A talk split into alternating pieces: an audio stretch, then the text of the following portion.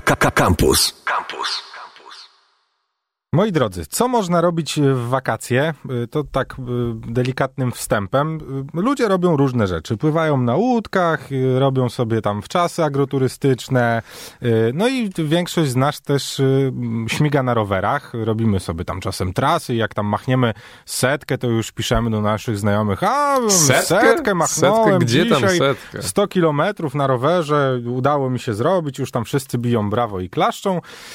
No okazuje się, że istnieje coś takiego jak y, uber hardkorowa, y, wyczynowa jazda na rowerze i stąd y, nasi goście, Sylwia Kowalska i Tomek Zatorski w naszym studiu. Dzień dobry, cześć.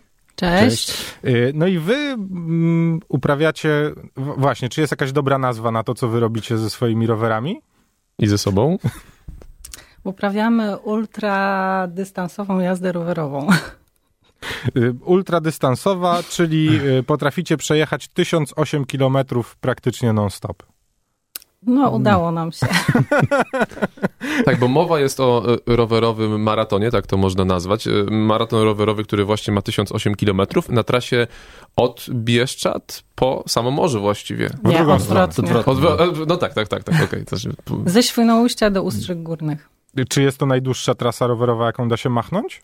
Nie, no oczywiście można dłuższą. Ale taka w sensie przez Polskę, nie? Że, tam, że w linii prostej? E, tak, jeżeli chodzi o taki e, jeden maraton, to, to chyba jest najdłuższy. Jest jeszcze północ-południe, ale on ma 950 kilometrów z Helu e, na, na, do, w Tatry do Głodówki. Ale jest też coś takiego jak maraton rowerowy dookoła Polski, ponad 3000. 3400. Dokładnie e, i odbywa się co 4 lata. Patrząc na, patrząc na trasę i na czasy, które osiągali w zeszłych latach e, kolarze, którzy tam, e, którzy, którzy tą trasą jechali, zobaczyłem 35 godzin i 17 minut. 1008 kilometrów. W tym roku ten rekord został pobity. E, koledzy, i to cztery osoby, e, pobiły ten rekord sprzed dwóch lat. E, z tego co pamiętam, 33 godziny 05 33 minut. 33 godziny. Tak. I naj, naj, naj, najciekawsze jest to, że kolejna osoba miała tylko 5 minut gorszy czas a kolejna 10. Także pierwsze trzy osoby to po prostu hardcore. I właśnie ten czas i ta odległość y, od razu mi gdzieś na myśl przynosi pytanie, co ludzi pociąga w tak hardkorowym sprawdzaniu siebie, swojego organizmu, swoich możliwości, tak właściwie. No właśnie, no to jest właśnie to sprawdzanie siebie i swoich możliwości. No, Akurat y, ja poznałam y, jedną z tych osób. Akurat w tym roku drugie miejsce Boguś Adamczyk za, zajął. E, no to nie jest jego pierwszy występ. E, mhm. On już bodajże szósty raz, raz startował. Ten sprzed dwóch lat rekord należał do niego. E, także jakby jeżdżąc coraz dłuższe trasy i coraz więcej, po prostu podnosi swoją, swoje możliwości. E, taka osoba, tak mi się wydaje. A druga sprawa, no to jest właśnie to, co na początku powiedziałeś. E, Ale to jest e, pokonywanie własnych słabości. Te 30 parę godzin jedziesz tylko po to, żeby na końcu zsiadając z roweru powiedzieć, ok, zrobiłam to, za chwilę po prostu gdzieś położę się i, i potrzebuję 10 godzin snu, ale zrobiłam to? No to różnie, bo no, akurat na tym maratonie brały udział, w tym maratonie brały udział osoby, które różnie pod, podchodziły do tego. E, były takie, które po prostu stwierdziły, że zapłaciły za 78, za 78 godzin jazdy i wyrobiły się w 68. W międzyczasie spali na punktach, bo jest taka możliwość. E, poznawali ludzi, rozmawiali, e, cieszyli się tak naprawdę z, z tej wspólnoty. Była osoba, tak jak wspomnieliśmy przed wstępem, która przejechała to na rowerze Wigry 3 i, i też mógł. Da się. Tak był w ogóle gwiazdą tego maratonu. E, natomiast no, no, różny, ró, różnie ludzie podchodzili do, do tego. No, mm, ale nie... chcesz powiedzieć, że przez 33 godziny ten, e, ten człowiek, który wy, znaczy wygrał, no miał najlepszy czas, on nie spał? Nie, oczywiście, nie, że nie.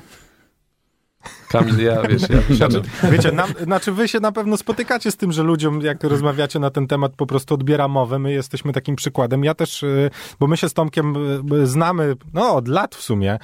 Y, ja też patrzę, jak Tomek wrzuca swoje trasy i też czasem to nie wierzę w to, co, co wyczynia, ale jak się dowiedziałem, że ty jesteś w stanie, mm, no właśnie, wykręcić najlepszy kobiecy czas na tej trasie, a później się dowiaduję, że ty to robisz w sumie od dwóch i pół roku, tak jak sama powiedziałaś, w sensie te ultra, ultra wyścigi, to myślę sobie, jak to jest w ogóle możliwe. No wiadomo, że nie od razu wsiadłam na rower i przejechałam 500 kilometrów, tylko jakieś takie początki. No, mój początek w ogóle zaczął się od tego, że przejechałam 200 kilometrów z kolegą, który świeżo był po przejechaniu ultramaratonu Piękny Wschód. Zabrał mnie na takie właśnie pierwsze 200 i on mi o tym opowiedział. E, I ja wtedy otwierałam szeroko oczy, jak tak można. Ale później się zaczęły coraz dłuższe te wypady. Kolejne 250, kolejne 300. No i w zeszłym roku wystartowałam pierwszy raz w takim ultramaratonie, właśnie w Pięknym Wschodzie. E, I mi się to spodobało.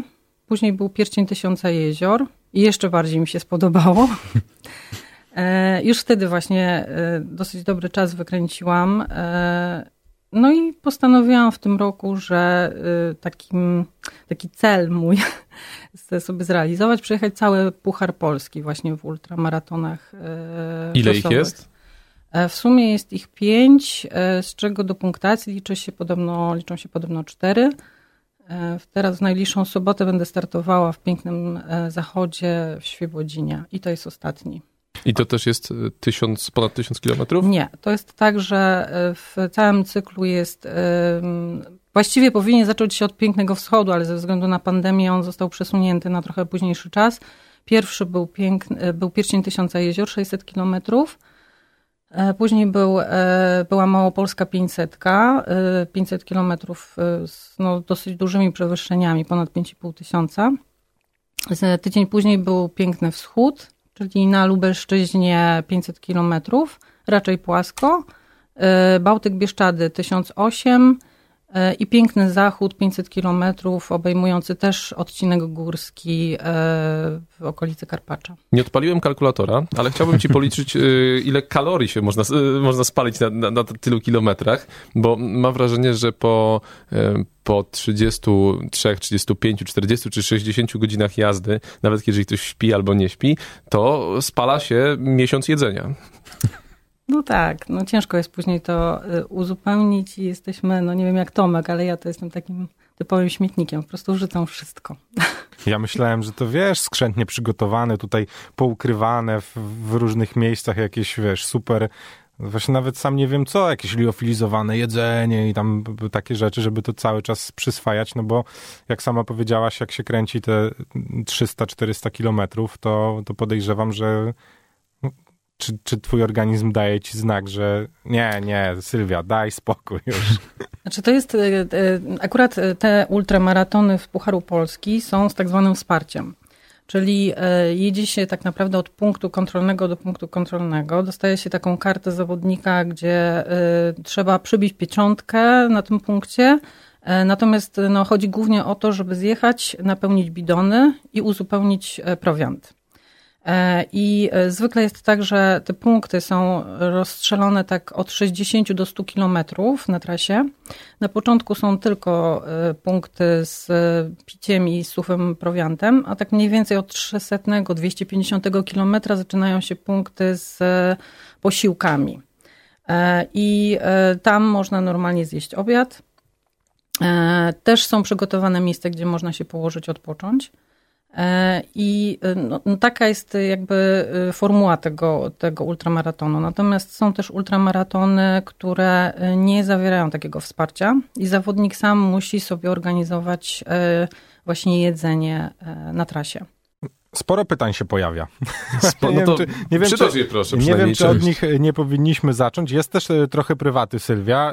Artur pyta, czy jedziemy 11 września w góry. 11 września. No nie, akurat wtedy nie. Sprawdź kalendarz. Artur, sorry. 18. Artur, nie jedziemy, nie jedziecie w góry 11 września. E, czy jechaliście trasą R10, e, gdzie były najpiękniejsze widoki i jakimi rowerami jechaliście? To kolejny z pytań. E, szczerze mówiąc, nie wiem, trasa R10, gdzie To jest przebiega. chyba ta Mierzeja Wiślana, tak? To jest tu? No to nie, nie. Daniel, Daniel musisz skonkretyzować. Tak, co to jest za pytanie? Co... Znaczy to jest generalnie maraton e, przeznaczony na rowery szosowe. E, trasa biegnie cały czas e, drogami asfaltowymi. Także no, gravelem również można i można Ja również... przedjechałem inny- gravelem, tylko miałem koła y, szosowe.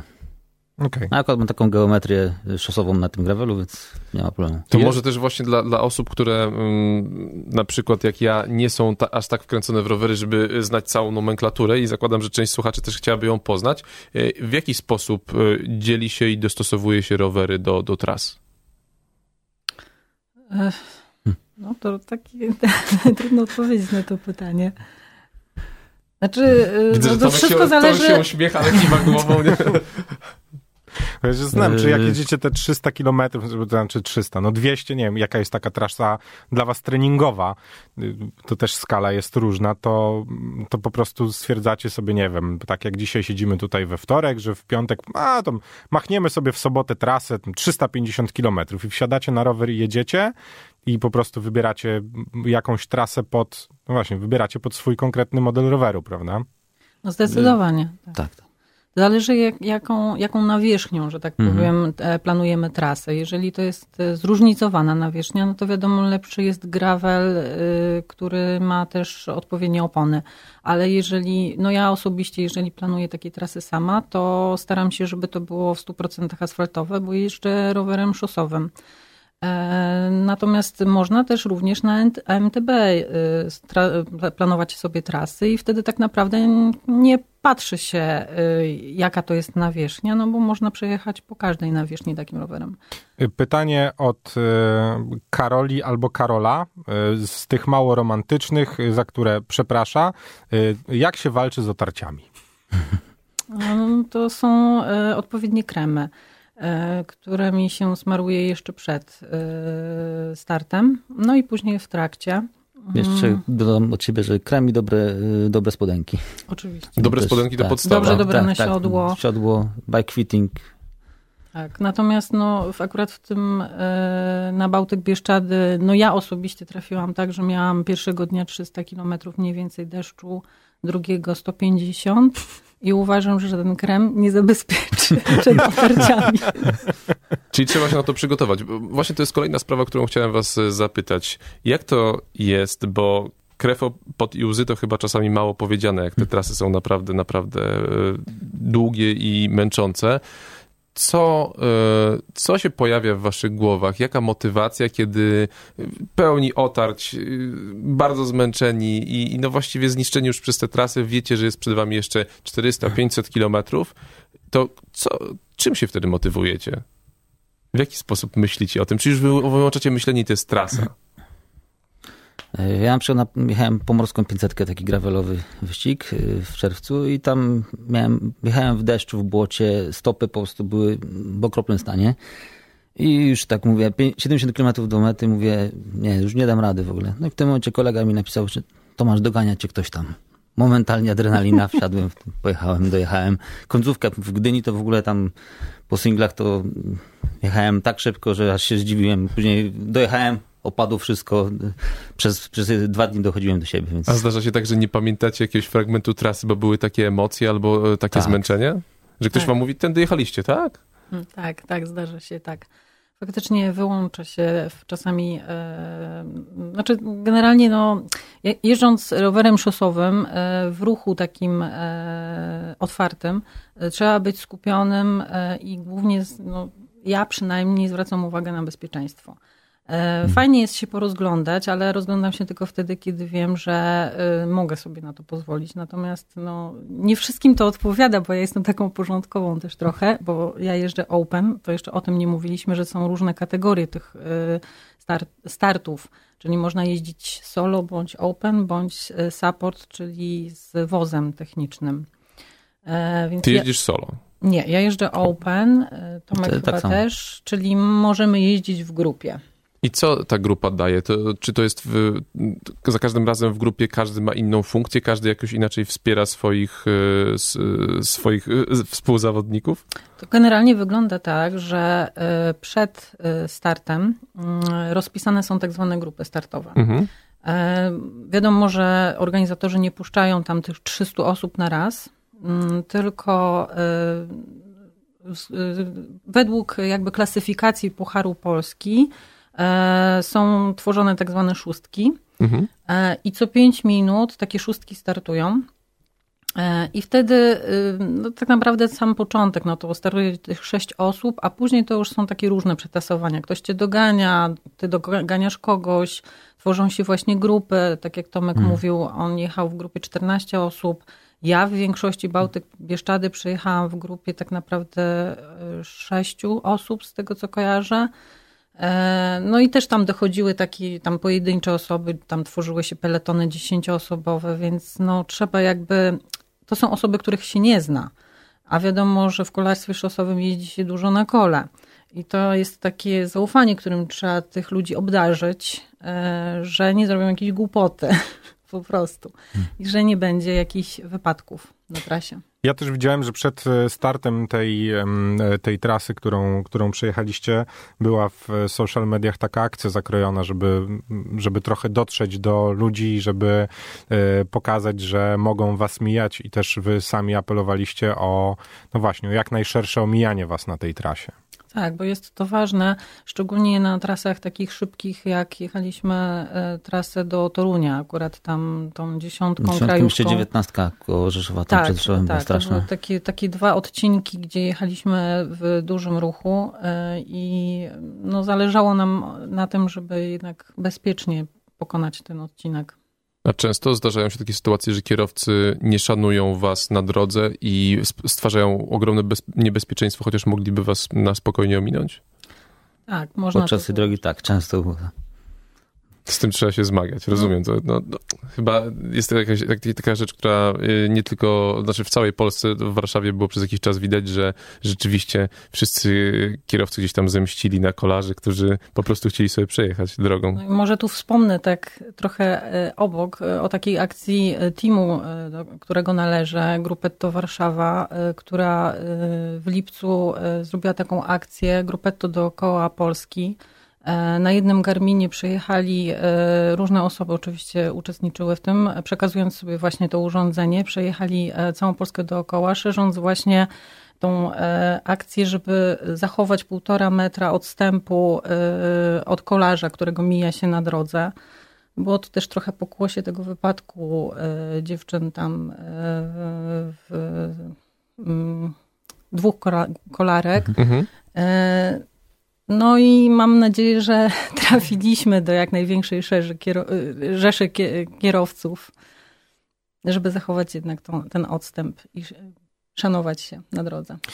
Gdzie będzie można was śledzić w najbliższych czasach? Czy są jakieś e, już kolejne e, rajdy, w których macie zamiar wystartować?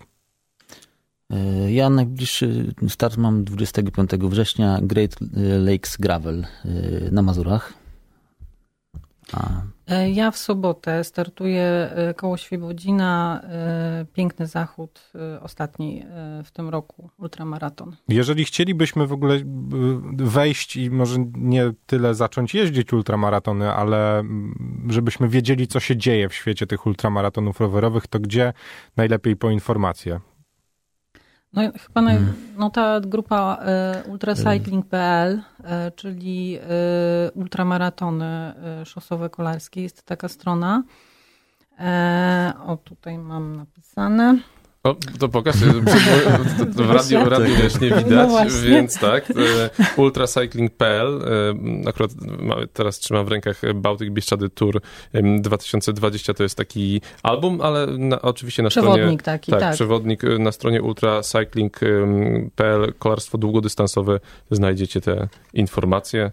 Natomiast są też takie grupy, które organizują też innego rodzaju e, ultramaratony. E, jest, e, jest, teraz będzie w połowie bodajże września północ-południe maraton z Helu do Głodówki. E, I to z tego, co Mm, koło kojarzę, ultra, koło ultra, tak. E, Tylko, że to są e, ultramaratony bez wsparcia. E, Jest tylko opracowana trasa, którą trzeba przejechać e, i, i to jest wszystko. To jeszcze na koniec. Jeżeli ktoś chciałby zacząć przygodę, już e, jeździ, ale chciałby zacząć przygodę z dłuższymi, dłuższymi trasami, to jaką mu polecacie na początek? Myślę, że piękny wschód. On jest o tyle trudny, że to jest w kalendarzu na wiosnę, w kwietniu. Chłodne Znaczy noce. inaczej może. Jeszcze wcześniej polecam brewety. E, Tak to są takie trasy od 200, 300, 400 kilometrów e, i e, to chyba, to chyba Tak, jest na to na początek początek. najlepsze. A później piękny wschód i Bałtyk Bieszczady I do zobaczenia na trasie. za dwa lata. Sylwia Kowalska, Tomek Zatorski byli naszymi gośćmi w Kapitanie Poranku. Moi drodzy, bardzo dziękujemy i jeszcze raz jakby chylimy, chylimy czoła y, za wasze y, osiągnięcia i za to, że w ogóle jesteście w stanie wsiąść na rower i machnąć tysiąc kilometrów y, tak naprawdę bez przerwy, bo dla nas, zwykłych śmiertelników, są to rzeczy po prostu nieosiągalne. Dziękujemy. Dzięki. Radio Campus. Same sztosy.